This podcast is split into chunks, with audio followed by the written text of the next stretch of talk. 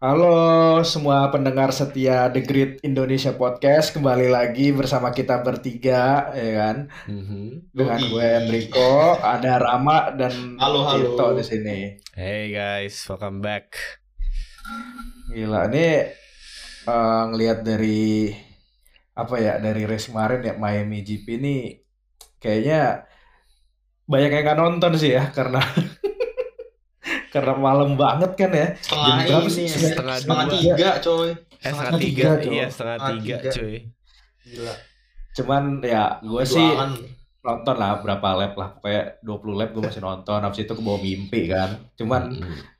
ngelihat ya jagoan gue udah ya udah depan udah udah percaya deh pokoknya Siapa Gue- Verstappen? beruntung beruntung nggak meleduk lu mobilnya. beruntung Iya. Untung.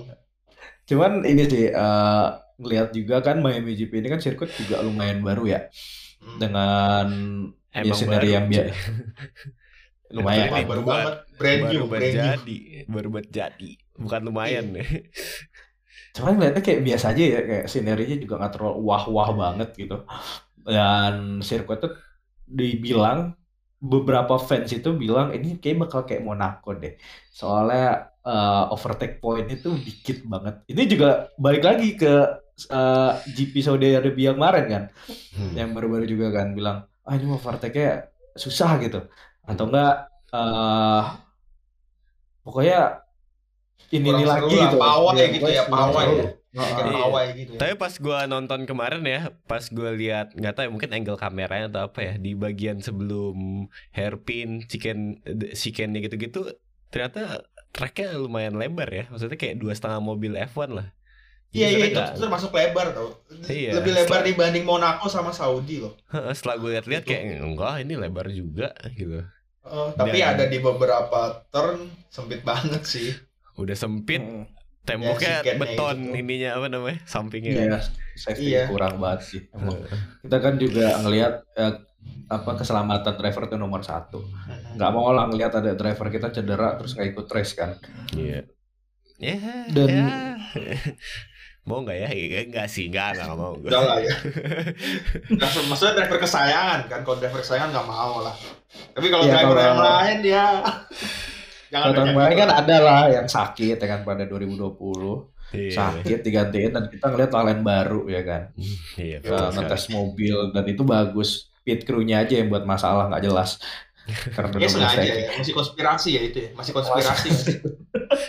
masih, konspirasi. Masih susah untuk dipercaya sih sebenarnya. Iya, cuman kita ngeliat tahun 2022 dengan George Russell ya kan masuk Hmm. uh, di kursi Mercedes ini dia mampu loh ngebuktiin dirinya dia bisa gitu loh untuk ngebawa Mercedes ya jauh lebih baik lah dengan mobil yang sekarang. At least perform sesuai performa mobilnya gitu ya. Mm, Ah Dan iya, dia abis- berapa sekarang? Udah 4 race ya? 5. Hmm? Lima lima. 5 race. 5 race kemarin gue liat statnya dia driver paling konsisten, selalu finish Iya, di top five atas terus, top top 5 five terus. Dari Tapi season, dia season ini driver dia yang- konsisten. Mm-mm, driver yang ini gak sih sekalian terapi juga gak sih deh karena dia ada cedera juga kalau nggak salah gara-gara porpoising. Ada Iya, adanya ya. Chest pain apa gitu. Back pain guys, back pain. Oh iya. Oh, kalau backpack mah nggak usah porpoising mah. kita semua mah sama. Williams, cuma dari Williams. Maku, maku tim apa? Gendong tim. Iya, gue bilang mah itu mah bukan dari porpoising itu emang dia mulai jompo aja sih. Mana umur, remaja- remaja Umur jompo. semuda itu udah jompo guys. Aduh. Ya Cuy, Joko. gue seumuran Russell juga udah kayak, ah kenapa gue pegel mulu ya? Dong. Kalau. Russell kan dia mengendarai mobil Formula One. Lu streaming Apex nggak tahu diri. Streaming Apex 10 jam anjing. Hey, diamond, two time diamond guys. Ayo e-sport e-sport ya kan yang mau nerima biar kita ada pemasukan juga di sini. Iya nih. Dalam the grid kita nih ada streamer. iya, lumayan. Tolong lah, tolong lah. stream gue Untuk Evos tadi. atau untuk apa? RRQ ya kalau mau bikin divisi Apex ya silakan nih. Ini kan kita Talent the grid. The Grid kan branching nih Rama gedein TikTok, gue gedein stream, Riko Riko gedein Riko- video, Riko syuting ya. itu syuting. Kerjaan gue jadi host anjing, anjing. Iya, bos. Nungguin rekaman videonya datang aja udah lama banget. Eh, coba lu kemarin syuting di mana kok? Kenapa? Yang itu, yang syuting TV. Oh, itu di daerah gue lupa namanya. Udah lama soalnya nggak diundang-undang lagi. Aduh. Ya udah apa-apa lagi lagi. saya. Bukan rezeki saya. Bukan rezeki. butuh sih. Bukan rezeki, bukan rezeki. Ayo Ikhlasnya guys, aja. kita kita masuk ke materi utama guys. Ah, iya, Oke. guys, biarin Ini belum belum materi kasihan. saya. Kasihan komputer Rico nggak bisa ngedit video 4 giga. Saya nggak punya rezeki guys. Tolong sawerianya Iya. Saweria. Eh, sosiabas kita harus buat sosiabas ya. mampus. Hmm. Banyak. Iya, BG. Ini kalau yang mau donate di channel kita ya silahkan ya. Sama satu lagi kita masuk deh. Ya udah masuk masuk dulu masuk dulu. Masuk ya, masuk ya, masuk Iya, ya. iya, Boleh, boleh ya. Gue main GTA nih. kita bahas Miami GP kemarin nih. Kita ngeliat tim Mercedes ini kan mendatangkan upgrade aero ya, berupa upgrade front wing, beam wing, dan rear wing pada race Iya. kemarin. Dan kita lihat juga hasil dari free practice-nya aja, free practice 2 dan 3 juga menunjukkan hasil yang sangat signifikan gitu loh. Ya walaupun beberapa fans juga ngomong masih free practice, lihat aja qualifying sama race.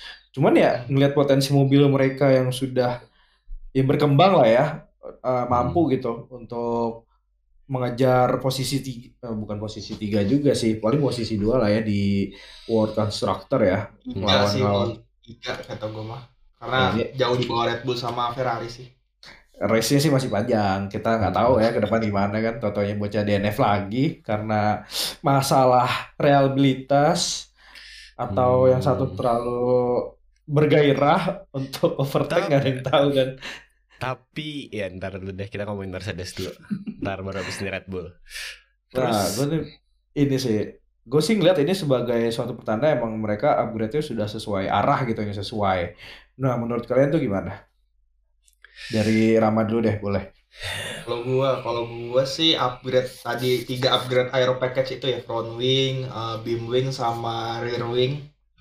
Ya itu kalau lihat hasil itu step forward sih dari dibanding mereka sebelum-sebelumnya kan karena masalah mereka kan sebenarnya ya di di bagian-bagian itu juga ya. Maksudnya itu tuh terlalu banyak drag gitu yang dulu. Nah, sekarang tuh udah kayak lu mulai di udah mulai step forward lah untuk mereka. Jadi tapi tetap aja maksudnya walaupun mereka udah upgrade gitu, maksudnya upgrade tiga package itu, itu mereka masih kurang gitu rasanya untuk mengejar Ferrari dan Red Bull masih masih kurang banget gitu. Harusnya mungkin permasalahan utama mereka tuh sebenarnya di floor juga ya. Mm-mm. Mungkin ke depannya atau di Barcelona nanti mungkin ada upgrade yang lebih major lagi untuk mereka jadi supaya mereka bisa bersaing sama Red Bull dan Ferrari gitu tapi walaupun menurut gue sih gue kurang yakin walaupun udah mereka udah bawa upgrade besar tahun ini karena emang the whole package W13 tuh udah jelek banget gitu udah jelek Hmm. banget dan bahkan ada rumor juga bahwa eh, katanya setelah Barcelona gitu dia pengen balik ke spek W13 yang awal yang ada sidepodnya itu Hmm. rumornya gitu karena ya kurang tahu lah jadi Hmm. menurut gua upgrade ini adalah step forward untuk Mercedes sih karena udah terbukti kan maksudnya walaupun free practice tapi ya seenggaknya bisa mempersulit papan atas lah gitu walaupun pas race ya pas race kembali lagi Iya. Ini hampir Apa namanya? bikin fans ketar-ketir ya. iya circle Ferrari circle Mercedes eh circle Ferrari cir- circle Red Bull di depan tuh pasti yang kelimanya tuh kayak beda sekitar 20 detik gitu-gitu kayak udah beda aja gitu kayak udah Ferrari dan Red Bull udah di a different league gitu Hmm. Iya. Gitu sih Ke- Gimana kalau menurut lo? Kalau menurut gua eh tadi lo nanya kan eh, menurut gua gue setuju setuju dan tidak setuju sama Rama tadi. Kalau gue setuju kalau misalnya eh, package yang mereka buat kemarin itu sebuah ya bisa dihitung Forward. hitungannya major improvement ya daripada eh, package awal ya. Eh, tapi eh, yang gua harus akuin adalah Mercedes kayak udah harus mulai berdamai kalau mereka nggak bisa compete sama package Ferrari ataupun Red Bull karena eh, kalau mereka dengan kekonsistenan drivernya pun cuman itu doang yang bisa mereka andelin karena the whole package mobil ya yang kata Rama tadi itu tuh udah ketinggalan.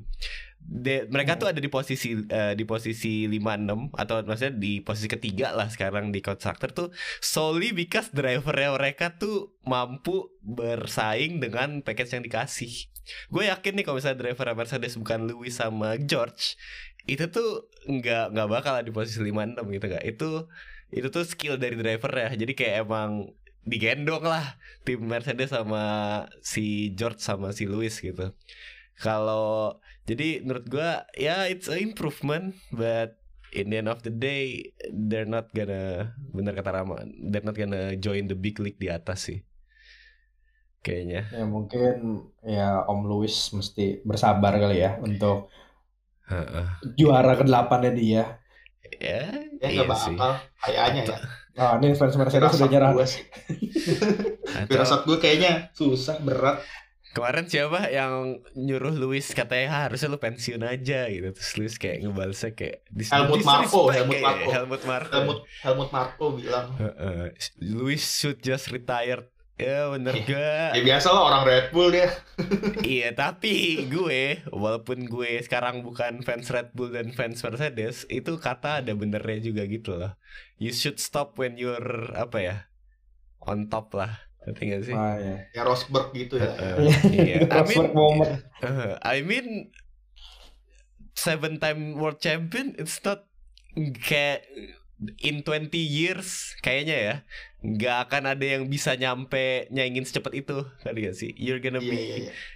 ya lo lo udah di atas gitu loh. Sih? Ya gua ngerti semua orang tuh punya ambisinya masing-masing untuk kayak oh gua mau mecahin rekor. Terus udah banyak banget rekor yang dipegang sama Lewis cuman kayak itu belum cukup buat dia kayaknya.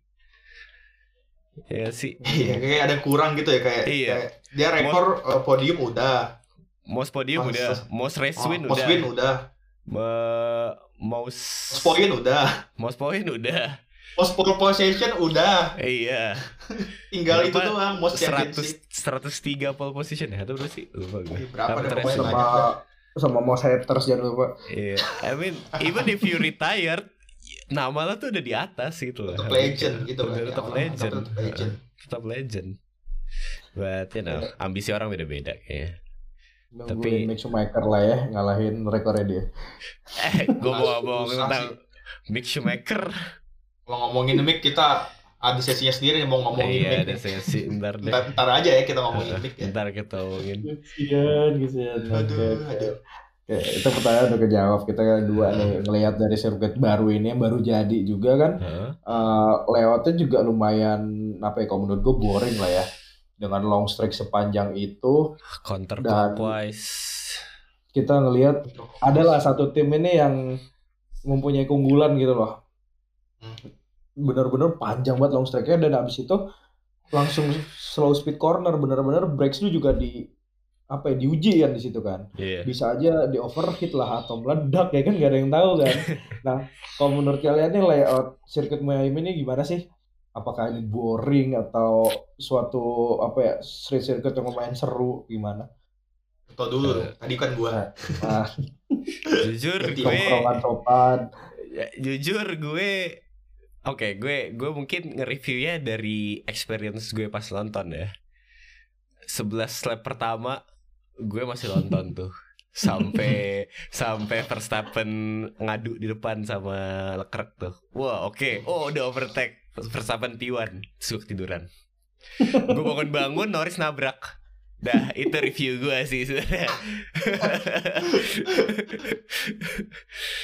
Tapi kalau ngomongin sirkuit, kalau ngomongin sirkuit, sebenarnya kalau dilihat-lihat ya, layoutnya menarik sih, layoutnya menarik. Layoutnya Walaupun menarik Dan- layoutnya menarik, kalau kita lihat layout biasa gitu ya menarik ya. Hmm. Tapi kalau misalkan kita melihat ternyata aslinya kan, maksudnya kan kalau kalau aslinya kan kita tahu nih lebarnya seberapa, Heeh. tikungannya kayak gimana, chicane-nya ada sausage curves-nya gimana. Nah, setelah eh, awalnya menarik nih, kita lihat layoutnya menarik. Tapi setelah ngeliat aslinya tuh kayak agak ya, ini race kayaknya bakal pawai nih. Kayaknya ini race bakal membosankan. Sebenarnya kayak ada Dan- satu ada satu lagi sih Ram, kenapa kita Apa? eh, agak kecewa sama sirkuit ya? Karena Kenapa tuh? ha- hype-nya tuh gede banget. Miami itu Ah, salah iya itu juga sih. Itu, Miami itu itu juga salah sih. Itu, itu, satu- itu juga benar-benar. yang dipromosiinnya tuh paling gede-gedean ya di season ini ya. Sampai sekarang Iya. maksudnya sekarang nih season udah 5 race. Ini tuh sirkuit ini tuh hype tuh di hype tuh parah banget Jadi kita tuh kayak oke Miami, oke ada air palsu, Ekspektasi oke. kita tinggi gitu ya. Oke ada kapal tengahnya. Oke ini akan jadi the next Monaco. Wah drivernya drivernya collab sama Amerika sana sini. Ada yang Iya, main NFT, football lah, bla, bla, ada bla. yang balapan di rawa-rawa lah. Kayak oke this is gonna be one of the greatest race. Tapi pas race-nya kayak eh, gitu lah. Jadi kayak Itu what's jangan- the hype for gitu. Jangan lupa juga Red Bull juga ngepromosin Miami dengan bawa mobil V8-nya ya. Yang Iya, Eco- iya. Itu juga lumayan sih maksud gue emang promosi gede-gede banget. Kalau salah Red Bull V8. juga Red Bullnya ya, Red Bullnya tuh jadi Hmm. sponsor utama Miami juga kan. Orang logo yang dipasang di mana-mana di track. Wah, dia mah semuanya disponsori bisa deh. Duitnya nggak habis anjir. Iya. Red Bullnya iya sih. Iya, mungkin Kalau dari Red Bullnya ya, bukan Red Bull Racingnya ya. gue gua ngerti sih maksudnya kemarin gue sempet kayak baca analisisnya gitu kenapa Miami di hype banget tuh karena well F1 is a, apa namanya apa sih eh, sebuah organisasi sebuah organisasi yang sangat besar dan eh, crowd Amerika itu salah satu market yang sangat besar juga gitu so the logical things adalah bikin balapan di situ gitu kan iya ngerti cuman kayak Oke lu udah selenggaran bal- balapannya, lu udah hypein gede-gedean, oke crowdnya udah datang, tapi balapannya kayak ah, god, the track is so boring man. Pertengahannya ya. Padahal statnya, padahal tadi kita abis ngomong ya statnya tuh tidak Startnya. stat statnya tuh tidak apa ya? Sekitar 45 overtake gitu. Tapi kalau kita Iya. ngelihat ya overtake-nya ya udah kayak di 10 besar tuh jarang banget terjadi overtake gitu loh. Maksudnya di cuman di midfield ke bawah doang overtake-nya. iya. Kita lihat lah. Itu juga dari Kemarin. faktor uh, desain mobil baru juga sih di season baru ini. Heeh. Itu juga berpengaruh sama gede juga. yang gue perhatiin kemarinnya overtake itu purely kebanyakan ya terjadi karena driver error. Jadi mobil yang di depan eh kayak driver error ya udah belakangnya maju, belakangnya nyalip gitu loh. Banyak kan kayak gitu. atau oversteer gitu ya. Iya. Jadi bukan karena racing juga sebenarnya overtake-nya kayak ya udah Ya, kayak kita kayak kita lihat kesalahannya Bottas aja tuh yang tiba-tiba nge-white gitu. Heeh, Entah di terus- tim order apa Mercedes atau enggak tuh. Nggak mungkin dong. Ya nggak mungkin maksudnya masa kayaknya tadinya dibajak gitu kan bisa jadi kan. Enggak, Hmm. Ya jadi Botas- itu Botas aja lupa. hitungnya udah dua overtake. Botas lupa kayak eh Luis eh Luis gitu Lupa dia refleks kalau ada Mercedes oh iya. Oh iya kan gue di Alfa Romeo. Tapi itu fatal sih Bottas kemarin harusnya bisa P5 loh. Jadi Hmm. karena dia ini jadi P7. Iya, Nah itu dia itu dia kalau misalkan kita bicara stats tapi kita nggak nonton eh, balapannya ya udah jadinya kayak gimana gitu kan ibaratnya kita ambil dari kejadian Bottas tadi ya Bottas Hmm. kan ngelebar terus disalip sama Russell sama Lewis kan itu aja hitungnya udah dua overtake Iya nggak sih Yap. iya kan Betul. iya maksudnya kalau misalkan kita ngandelin data doang nggak bisa kita harus nonton eh, balapannya untuk Mm-mm. mengetahui Kualitasnya eh, di overtake. kondisi ya kondisi Iya. balapannya gitu loh Heeh. jadi Iya, data iya. cuman pendukung aja Dan di sana juga suhunya lagi panas-panasnya banget ya. Iya. Bener-bener panas track banget. tracknya aja sampai berapa 50 derajat apa ya Iya. track track suhu tracknya Gua Kasian gua iya sih. Pada, padahal di forecastnya katanya bakal ada hujan tapi nggak datang hujannya. Nggak, tapi kita juga ngelihat ngelihat awan kan di Miami itu tuh Heeh. udah udah Mendung. eh. mendung banget kan di kayak depannya udah gelap tapi di sini masih terang gitu Iya, ya di- namanya wilayah tropis ya di Bekasi juga begitu kan maksudnya Mm. di Iya, Bekasi iya. juga di sananya gelap di sininya terang gitu Anginnya angin bahkan laut. lain komplek kadang udah hujan gitu iya, Iya kan? Eh, Untung Evan gak balapan di Bekasi. Waduh. aduh Ya, eh, Evan di balapan di Bekasi suspensi pada rusak aja kena jalanan bolong. Udah suspensi, porpoising, bah itu Oh, apa namanya? Tulang kondangan. ngerucut 5 cm anjir. Selesai balapan. jalannya tiba-tiba ditutup lagi ada kondangan jalan beda tinggi tuh paling kesel gue kalau kesel. Iya. Nah, kita lanjut nih ya. Uh, kita bahas Mick Schumacher nih akhirnya nih ya. Nah, kita bahas Mick nih setelah Rama udah ngambil minumnya mungkin Yoi. lebih lebih fokus lah ya. ya. Nah, ini kan Mick pada race kemarin kan hampir mencetak poin pertamanya nih setelah season 2021 kena blue flag mulu ya, yang di mana dilihat agak mengecewakan karena dia mengemban nama Schumacher kan. Iya. Ya, orang Schumacher juga sama sih. Namun hal tersebut tuh kayak hilang gitu loh, kandas dikarenakan crash dengan Sebastian Vettel mentornya sendiri. Bentar sendiri. omnya sendiri lah ya Ya kalau gue lihat dari race kemarin kan emang Mick Schumacher ini melakukan tindakan yang sangat apa ya riskan banget ya. Dia ngambil benar-benar lewat dalam, di mana Vettel tuh wide karena emang dia ngambil race, racing line kan. Dan si Mick itu masih di belakangnya dia. Ya kalau misal orang ngemim paling ya Aston Martin di upgrade beliin spion gitu kan. Cuman ya gitu ya.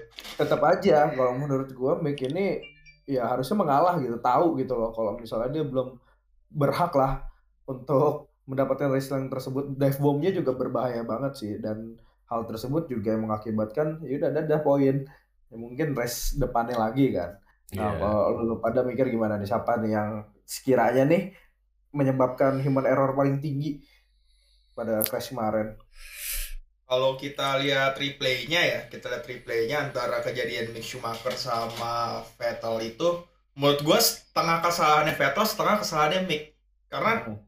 Vettel itu apa ya? Dia tuh nggak ngeliat, dia tuh kayaknya nggak ngeliat kalau di dalamnya itu ada Mick. Dia tuh nggak nggak bakal expect kalau Micknya Iya. masuk. Nah, salahnya Mick adalah ya itu Micknya masuk. Tetap gitu. Jadi masuk. gue bilang ini nggak ada yang murni satu hole kesalahannya siapa. Jadi kayak setengah kesalahannya Lewis, Iya. eh setengah Lewis mulu aja.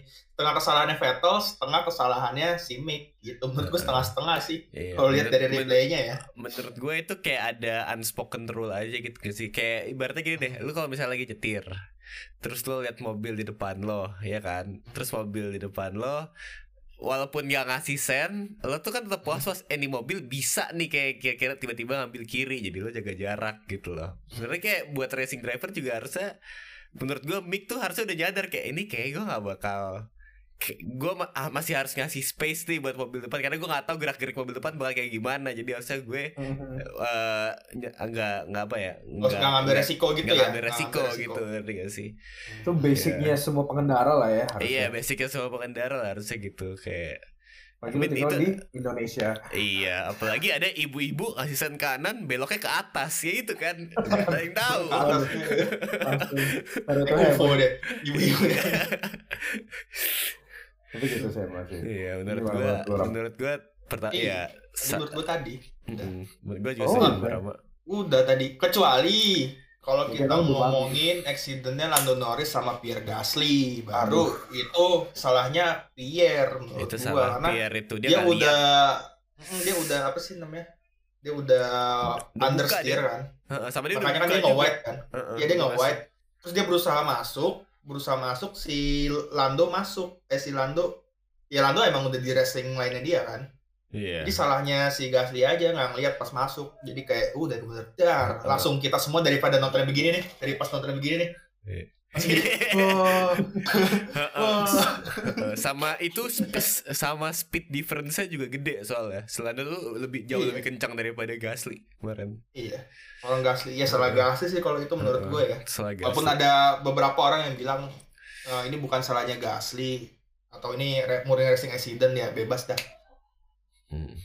Gitu. Nah, oke kita ngeliat emang kemarin eh, sebenarnya kan diwanti-wanti ini bakal banyak crash juga kan.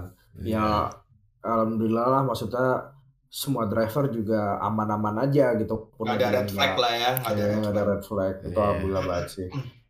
Nah, kita ngeliat juga dari Ferrari nih yang eh, pole position juga kemarin.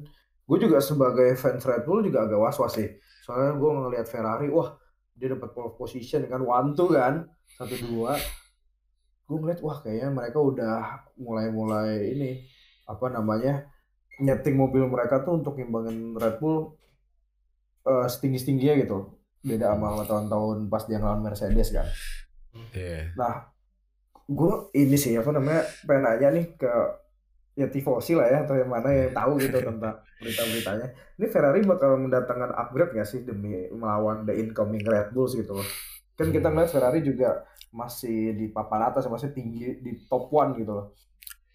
Ini menurut kalian gimana? Kalau yang gue baca ya dari rumor-rumor dari akun Twitternya Lab Cars atau Hot Lab atau Emus itu tuh, jadi Ferrari itu pengen bawa upgrade engine yang upcoming upcomingnya tuh upgrade engine, upgrade floor sama upgrade eh, engine tuh kalau nggak salah di baterai deh dia pengen upgrade-nya.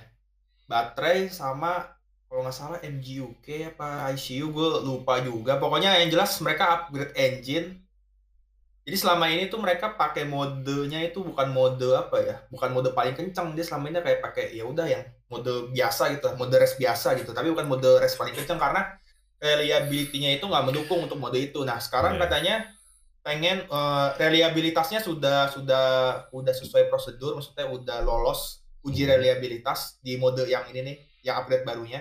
Jadi Hmm. mungkin dia akan ngebawa di Barcelona ya, apa entah eh, setelah Barcelona gitu. Pokoknya ya infonya simpang siur gitu lah untuk Ferrari. Tapi yang jelas dia bakal ngebawa upgrade floor, aero sama eh, engine gitu. Hmm. Ya, Itu gue gue sebagai tifosi karbitan gue belum dengar apa-apa sih. Ya, sebelum Jadi- streaming Apex nih. ya? Tifosi. Kan lu fans McLaren.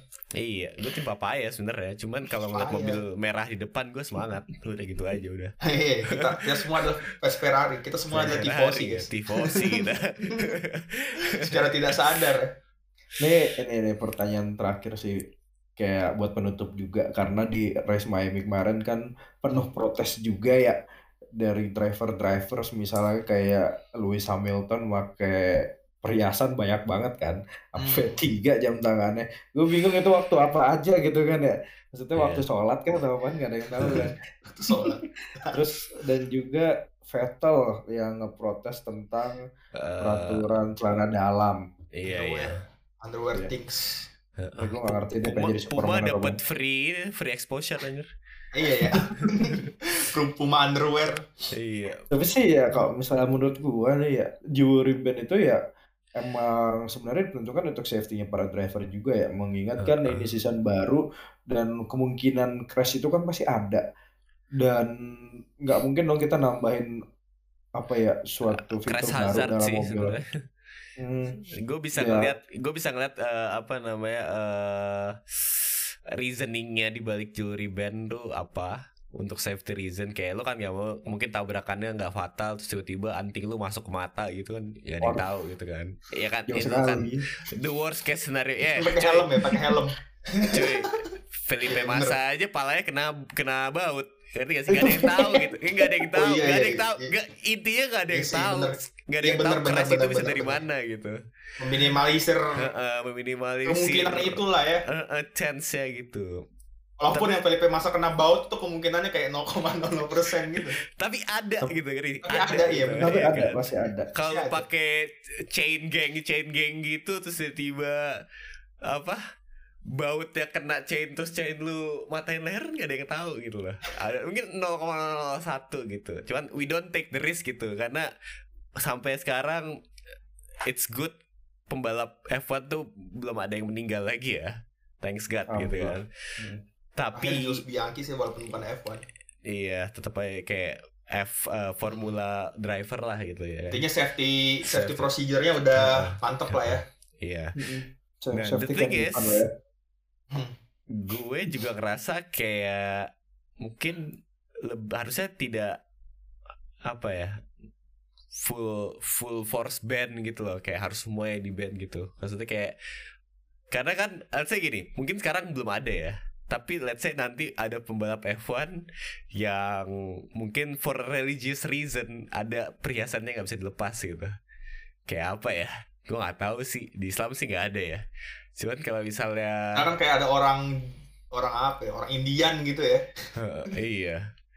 Atau Orang gimana ya, gue nggak tahu juga lah. Orang Indian, orang Gypsy gitu. Iya, atau, atau misalnya lu kayak eh, apa namanya orangnya religius Katolik mampus gitu yang nggak pernah mau ngelepas ke kalung kalung salibnya gitu kan ada aja Hmm. gitu kan gimana nih mungkin Hmm.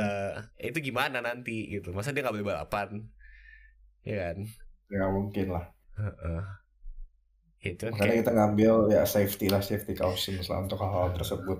Ya mungkin Babang Lewis Hamilton bisa lebih mengerti lagi lah ya. Mungkin lebih diperjelas lagi aja peraturannya untuk para drivers ini ya untuk meminimalisir konflik lah ya.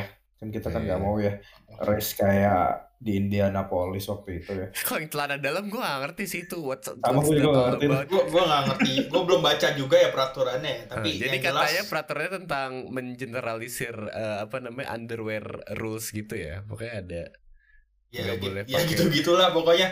Nah, gue ngerti sih kenapa Lewis protesnya kayak gitu ya. Dia kan bawa jewelry banyak, jam tangan banyak. Karena dari 20 driver yang pakai jewelry itu kan cuma dia doang ya. Lain paling Iya. pakai jam tangan atau nggak pakai Jam kayak tangan gelang juga tapi gelangnya gelang apa kalau nggak cincin nikah gitu kan ya. Iya, jam Maksudnya tangan juga jam tangan sponsor itu harus dipakai. Iya, Kalau jam tangan jam tangan sponsor. Gue ngerti sih maksudnya kenapa Lewis protes gitu karena Evan ngeluarin jewelry gitu kayak seolah-olah nge-attack-nya Lewis gitu karena Iya. di grid itu cuman Lewis doang yang pakai ibaratnya yang pakai anting, yang pakai tindikan di sini, Hmm. yang pakai yang kalau grid pakai kalung gitu kan cuman Lewis doang kan ya.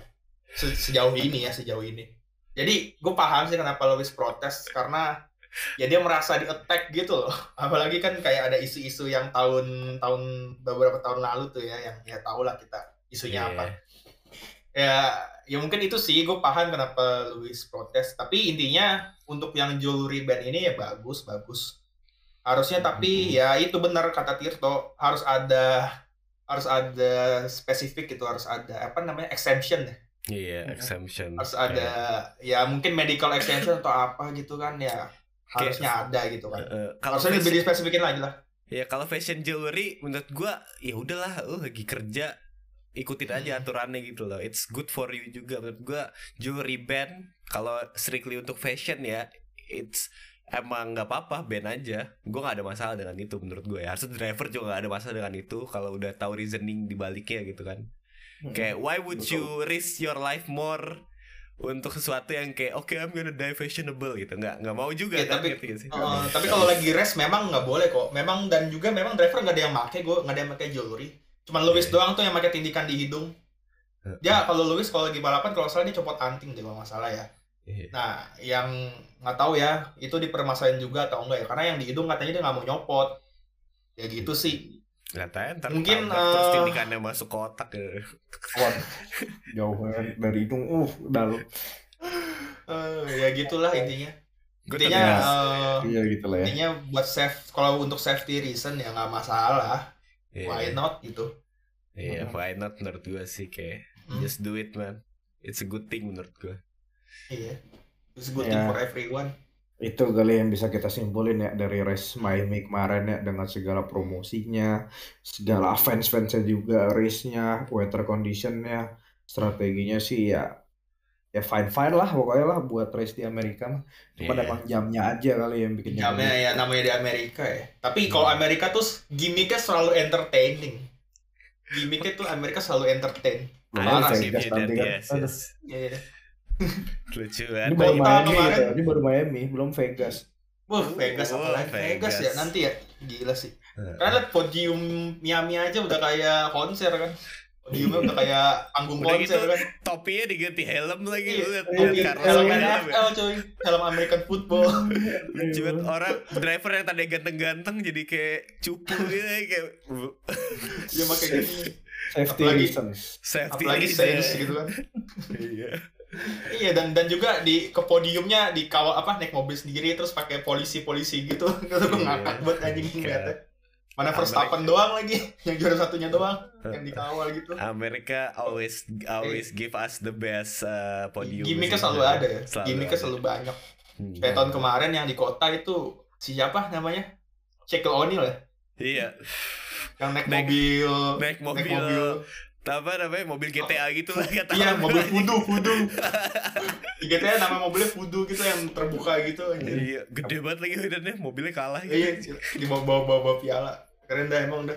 Amerika the best apalagi Vegas nanti ya bener bener apalagi Vegas nanti ya Bener. hype parah juga sih Kalau yang di Vegas tuh ngelewatin Vegas Strip gak sih?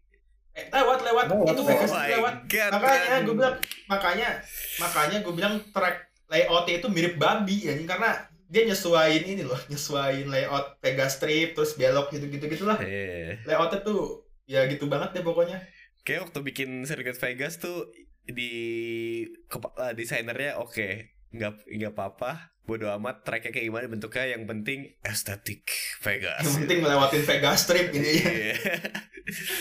itu gila sih gue gak sabar di 2023 kan ya Iya. berarti Amerika ada tiga dong Ada tiga.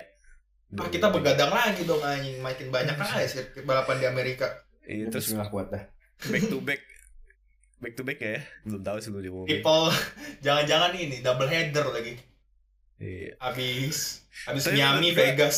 Menurut gua kalau misalnya emang bakal di Amerika tiga udahlah triple header aja nggak apa-apa anjir. Biar Kitanya ini kan kita konten kreator ya. Iya cuman gue daripada bolak-balik gitu kan gak sih daripada harus kayak Iya sih, skip iya dua sih. minggu skip dua minggu ini nggak apa-apa. Iya Kalau enggak kan. iya itu ini Amerika aja berapa lagi? Habis ini kan Barcelona ya. Habis Hmm. Barcelona, Monaco, Monaco, Azerbaijan. Baru tuh setelah berapa race Pokoknya kan di Brazil tuh dua race se- eh satu race sebelum Abu Dhabi kan sebelum final. Nah, itu Hmm. tuh setelah sebelumnya baru tuh Meksiko, kota gitu-gitu tuh yang triple header. Aduh, triple header lagi anjir. Hmm, mantap. Udah ada mulu. Ya udah itu urusan Aduh. yang ngurusin Twitter lah ya nanti ya. Urusan admin Twitter kita lah ya. iya. Oke guys, Oke. karena pembahasan kita sudah ngawur dan udah habis juga materinya. Iya. Ya mungkin untuk kalian pendengar baru bisa follow uh, sosial media kita ya. Ada nanti di gambar di mana aja gitu. Gue nggak tahu Tirto Yang di kalau podcast mana. nih harus disebutin nih. Di podcast kan nggak bisa ngeliat ya di podcast. Oh, iya. Nah, Dan di coba podcast Ram, sebutin. sebutin Ram, sebutin Ram. Oh, sebutin toh. Oke, gue sebutin. Kok. kalian kalian bisa menemukan kita di YouTube dengan nama The. Grid Indonesia dan follow juga Instagram kita di The Grid F1 underscore ID. Uh, jangan lupa kalau kalian suka nonton video-video receh tentang eh, di TikTok ya, kita ada TikTok juga di The Grid Betul. dot F1 dan Oke. untuk uh, kalau kalian yang lebih kaum intelektual dan suka baca mungkin kalian lebih suka lihat bacaan di Twitter gitu. Kita ada di The Grid underscore ID Oke guys, jangan lupa di follow dan di subscribe guys semua akun media sosial kita guys. Karena nanti kita akan ada giveaway guys. Wih, Nanti nggak tahu, pokoknya Oh, nanti ada giveaway guys. Wih, Giveaway. gue menangin gua ram gitu ya orang dalam. orang dalam yang dia menangin orang dalam. enggak, enggak, enggak guys, enggak guys. Kita akan giveaway beneran tapi ya nanti tunggu aja. Makanya kalian follow dulu semua sosial media kita biar kalian nggak ketinggalan infonya, oke? Iya. Gitu Ya, guys. Oke, kami dari The Great Indonesia Podcast pamit undur Mengucapkan diri. minal aizin wal faizin. Nah, Sudah, lama sekali, ya, sudah lama sekali. Yang mau kasih TR boleh di kitabisa.com Iya, slash ada nggak sih? Nggak ada lah, ntar gue buat Ter terbikin kita bikin sosiabas. guys. buat giveaway kalian juga kan. atau di rekening kita 527 ya gitu BCA BCA Terkening lu doang Pilok aja. iya ada ada kita kita juga ada info nobar juga ya. Oh iya, info nobar. 22. Info nobar. Info nobar nih, gua kasih tahu ya. Mm-mm. Kita kasih tahu info nobar untuk kalian-kalian yang mau nobar di GP eh, Barcelona nanti. Untuk kalian yang domisili di Jakarta ya. Khusus kalian yang domisili Jakarta atau kalian yang domisilinya di luar Jakarta kalau mau nonton boleh banget, guys. Jadi. Jadi ini kita akan nobar di GP Spanyol itu hari Minggu 22 Mei 2022 start from jam 5 sore guys. Jadi kita mulai jam 5 sore eh, HTM itu yang penting jajan di tempatnya guys. Jadi tempatnya itu di House of Luci Jalan Bendaraya nomor 14F Kemang Jakarta Selatan guys. Oke. Nanti kita share linknya di atau enggak kalian cek media sosial kita nanti kita share di situ juga guys. Info nobarnya oke itu semua F1 itu dari F1 Twitter Indonesia guys oke sip sip sip Uh, Bisa ketemu Iya. Tirta ya nanti ya. iya kita Iya. ketemuan guys di situ guys kita ketemu semua kita kita Halal sekalian bihalal. dan halal bihalal Halal bihalal. Foto pakai sepanduk ya kapan lagi Iya, kan siapa guys tahu, satu iya. kafe isinya eh, nonton Iya. F1 semua makanya guys gue juga oke iya iya Udah. oke see you and I see you guys Oke, see you guys. guys. Bye bye. ya close the door Udah. udah Udah lu off. belum sekarang gue